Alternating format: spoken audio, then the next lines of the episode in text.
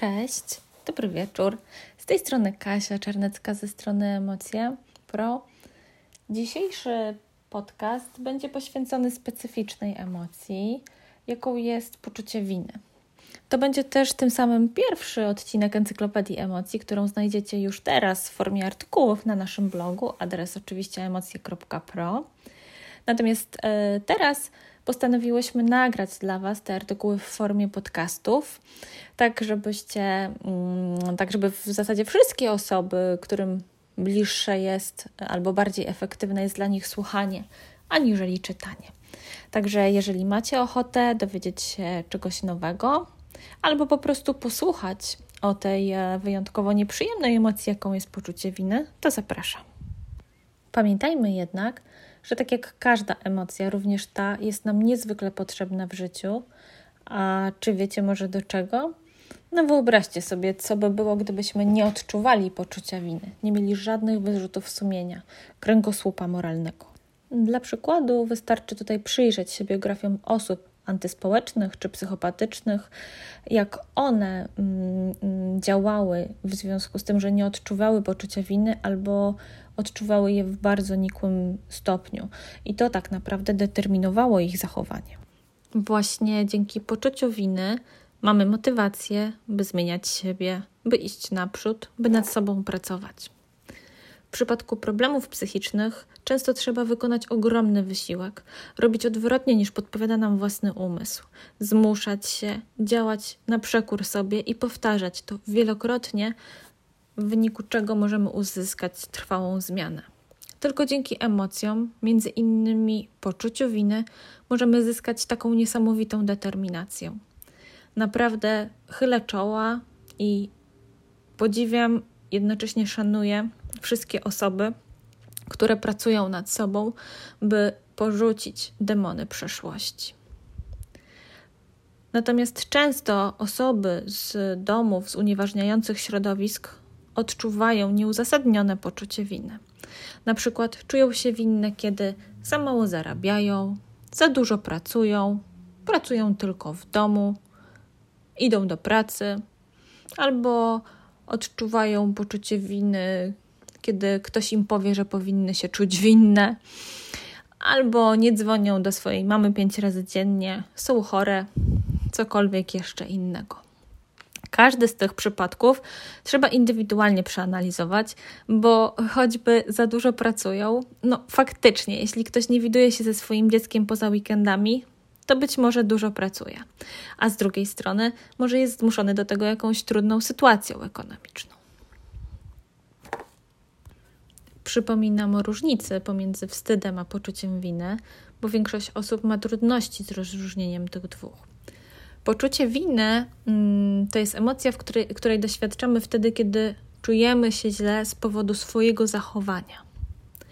A wstyd czujemy się źle z powodu tego, kim jesteśmy albo nie jesteśmy. Czyli jest tutaj odniesienie do ja. Wstydzę się całej siebie jako człowieka. Kolejną ważną różnicą jest to, do czego motywują nas te dwie emocje. Przy wstydzie chcemy się ukryć, unikamy ludzi, albo odwrotnie, możemy atakować i obwiniać innych. Natomiast poczucie winy pcha nas do zmiany i naprawienia szkody. Jak będzie wyglądało rozróżnienie w zakresie emocji oraz naszych myśli? W przypadku poczucia winy czuję, że kiepsko się zachowałam i nie chcę tego powtórzyć. Przykładowy monolog wewnętrzny może wyglądać w ten sposób. Faktycznie za dużo wypiłam, wczoraj na imprezie. Nie mogę tyle pić. To się nie powtórzy. Faktycznie planuję kolejne wyjście w inny sposób, zastanawiam się, co mogę zrobić, by trwale zmienić swoje zachowanie. W przypadku wstydu uważam, że jestem beznadziejną, złą, godną potępienia osobą. Jestem paskudną, obrzydliwą pijaczką.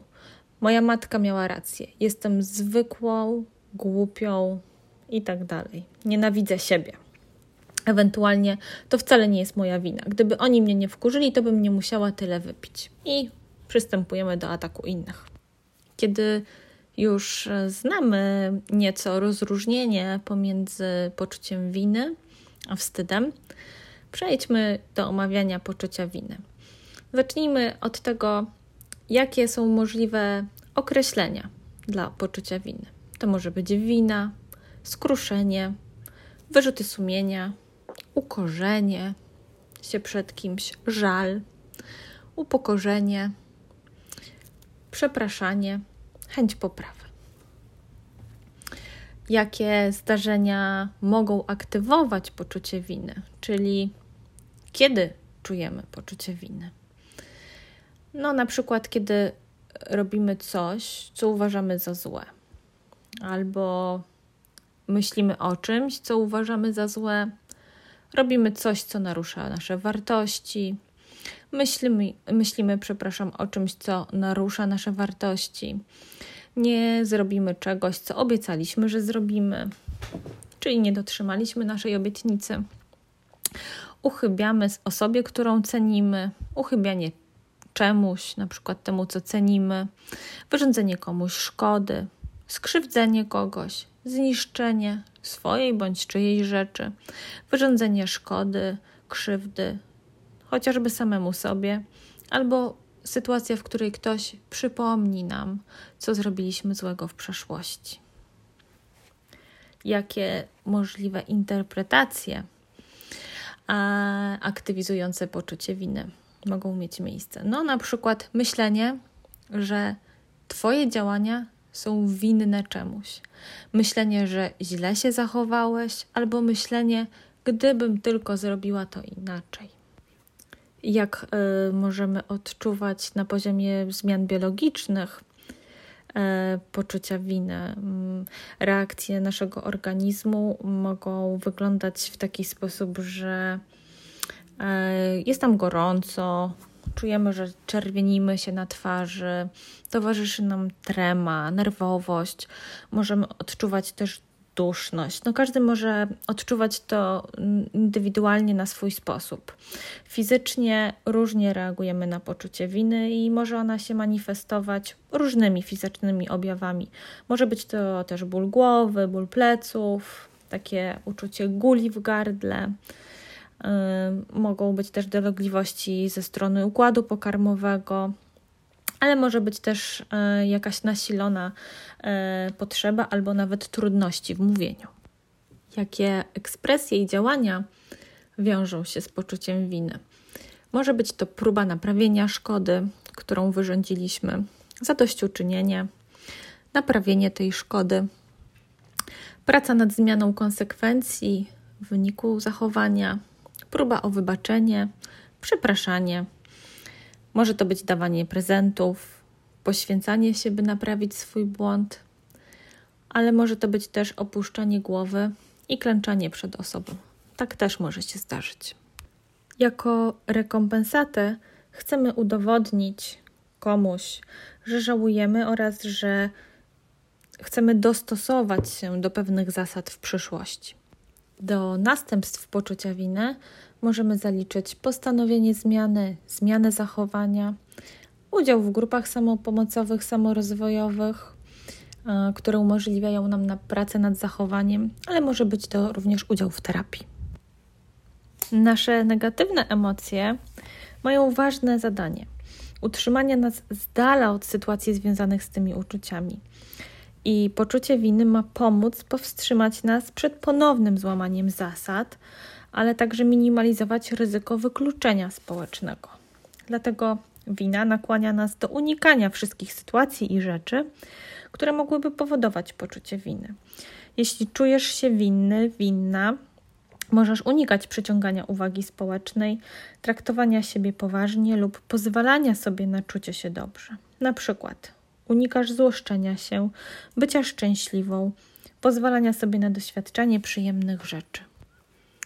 Jak możemy zatem radzić sobie z poczuciem winy?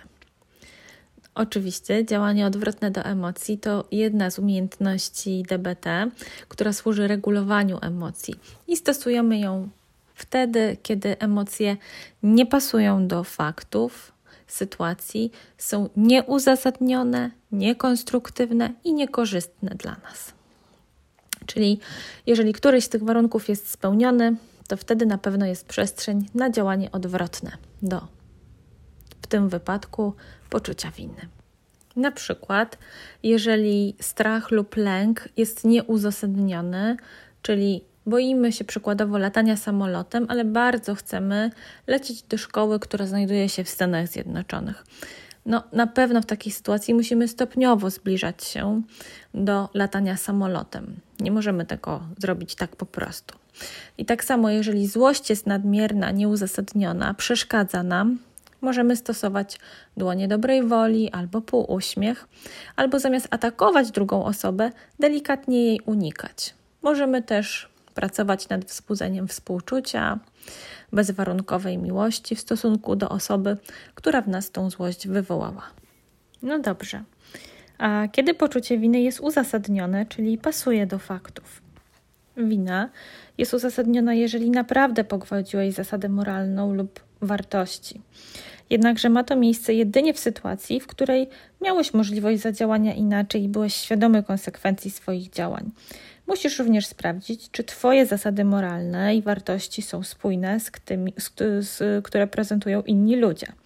Na przykład, jeżeli uważasz, że nigdy nie powinieneś wpadać w złość, będziesz odczuwać winę, gdy będziesz się złościć. Będzie to niepotrzebne, ponieważ złość jest spontanicznym uczuciem.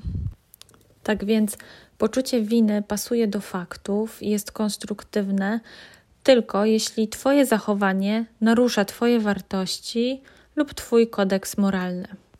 Jak się dowiedzieć, czy poczucie winy, które towarzyszy, jest uzasadnione? Mm, może weźmy sobie taki przykład. Mam trudną relację z mamą, dlatego odwiedzam ją raz w miesiącu. Moja mama ma do mnie pretensje, że nie jeżdżę do niej co sobotę. Mówi, że wszystkie dobre dzieci tak robią, że tylko ja jestem tak niewdzięczna i tak dalej, i tak dalej. Ja nie wiem, co jest prawdą. Czy powinnam się czuć winna, czy nie. No i co mogę zrobić w takiej sytuacji? Mogę na pewno zrobić plusy i minusy jeżdżenia co sobotę i plusy i minusy jeżdżenia raz w miesiącu. W ten sposób będę w stanie racjonalnie ocenić tą sytuację i zobaczyć, jak to wygląda w tabeli e, plusów i minusów. Mogę sprawdzić swoje myśli, która z nich jest najbardziej gorąca, czyli która najbardziej mi doskwiera, dokucza. Załóżmy, że będzie ona brzmiała: Jestem złym, niewdzięcznym dzieckiem. To mogę teraz skorzystać z umiejętności e, związanej z postawieniem jej przed sądem. Mogę też pomedytować albo skontaktować się z moim mądrym umysłem, wsłuchać się w siebie w poszukiwaniu odpowiedzi, co jest prawdą, co jest dla mnie najbardziej efektywne w tej sytuacji.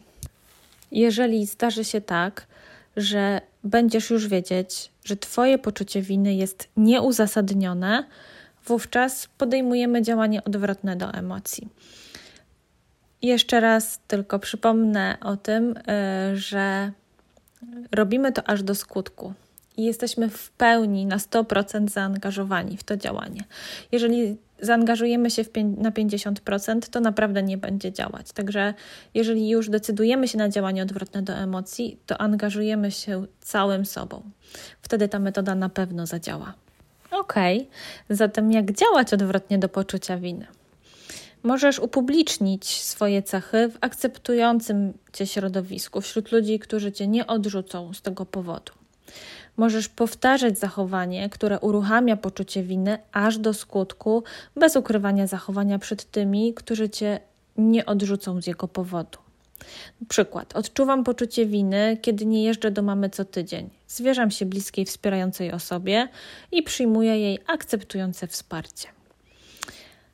Nie przepraszaj, nie próbuj zadośćuczynić w sytuacji, kiedy czujesz poczucie winy, ale nie jest uzasadnione. Na przykład, twoje dziecko wydało za dużo pieniędzy na gry. Zabrałaś mu telefon na tydzień, ale ono potem jest bardzo smutne. Nie przepraszaj, nie kajaj się, choć oczywiście uprawomocnij smutek swojego dziecka. W tym wszystkim pamiętamy o postawie ciała. Staramy się wyprostować, unieść głowę, wypiąć klatkę piersiową, tak żebyśmy wyglądali dumnie, ale jednocześnie niewinnie. Staramy się utrzymywać kontakt wzrokowy i mieć czysty, pewny siebie ton głosu. To może być najtrudniejsze, ale przyjmujemy wszystkie informacje o sytuacji, czyli zamiast uciec przed tym, co ktoś mówi, zostajemy do końca. przyjmując wszystkie narzekania, ale jednocześnie nie kupując ich. Niech to sobie po prostu płynie. Nie blokuj emocji. Przeżyj wszystko od początku do końca. Wtedy masz szansę przeprogramować swoje odczuwanie w tej konkretnej sytuacji. Czyli to, co jest tutaj najważniejsze, jeżeli zdecydujemy się już na działanie odwrotne do emocji, to z drugiej strony nie staramy się tłumić tej emocji, tak? Dopuszczamy ją do siebie i przeżywamy ją. Co w sytuacji, kiedy chcemy działać odwrotnie do poczucia winy, ale wstyd jest adekwatny.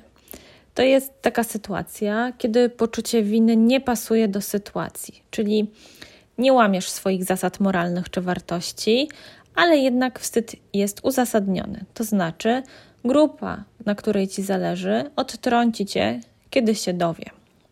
To może być taka sytuacja, że chodzisz do szkoły, gdzie większość osób jest bardzo zamożna i naśmiewa się z osób, które posiadają mniej. Przy wstydzie kluczowa jest reakcja innych, odrzucenie przez grupę. Jeżeli zależy ci na pozostaniu w grupie mimo wszystko, ukryj swoje zachowanie, jeśli chcesz pozostać. Użyj umiejętności interpersonalnych, jeżeli chcesz pozostać w tej grupie. Pracuj nad zmianą wartości tej grupy. Możesz oczywiście opuścić taką grupę i tym samym dołączyć do nowej grupy, która odpowiada Twoim wartościom i Cię nie odrzuci. Możesz powtarzać zachowanie, które uruchamia poczucie winy w nowej grupie, aż do skutku, czyli aż przestanie wywoływać w tobie poczucie winy, a przede wszystkim uprawomocnij siebie samego, siebie samą. Wszystkie te przykłady mogą się wydawać nieco dziwne, ale terapia dialektyczno-behawioralna jest bardzo pragmatycznym podejściem. Jeśli bycie w grupie jest dla nas bardzo ważne, a są takie sytuacje, mamy prawo ukrywać cechy, które sprawiłyby, że grupa mogłaby nas odtrącić. Pozwala nam to na bycie efektywnym. Efektywność mówi nam, że mamy zwiększać nasze szczęście, minimalizować nieszczęście i dbać o nasze aktualne cele. Terapia dialektyczno-behawioralna powstała dla osób, które cierpią z powodu zaburzenia osobowości z pogranicza. Wbrew potocznym opiniom, są to osoby, które nie potrafią za bardzo kłamać, choć w bliskich relacjach sprawa może się komplikować z powodu lęku przed odrzuceniem. Do tego stopnia, że dużo z tych osób uważa niepowiedzenie całej prawdy o sobie natychmiast za kłamstwo. Więc powtarzam, jeśli nie chcesz naprawdę, nie musisz każdej osobie mówić intymnych rzeczy o sobie. Masz prawo do własnej prywatności. To nie jest kłamstwo.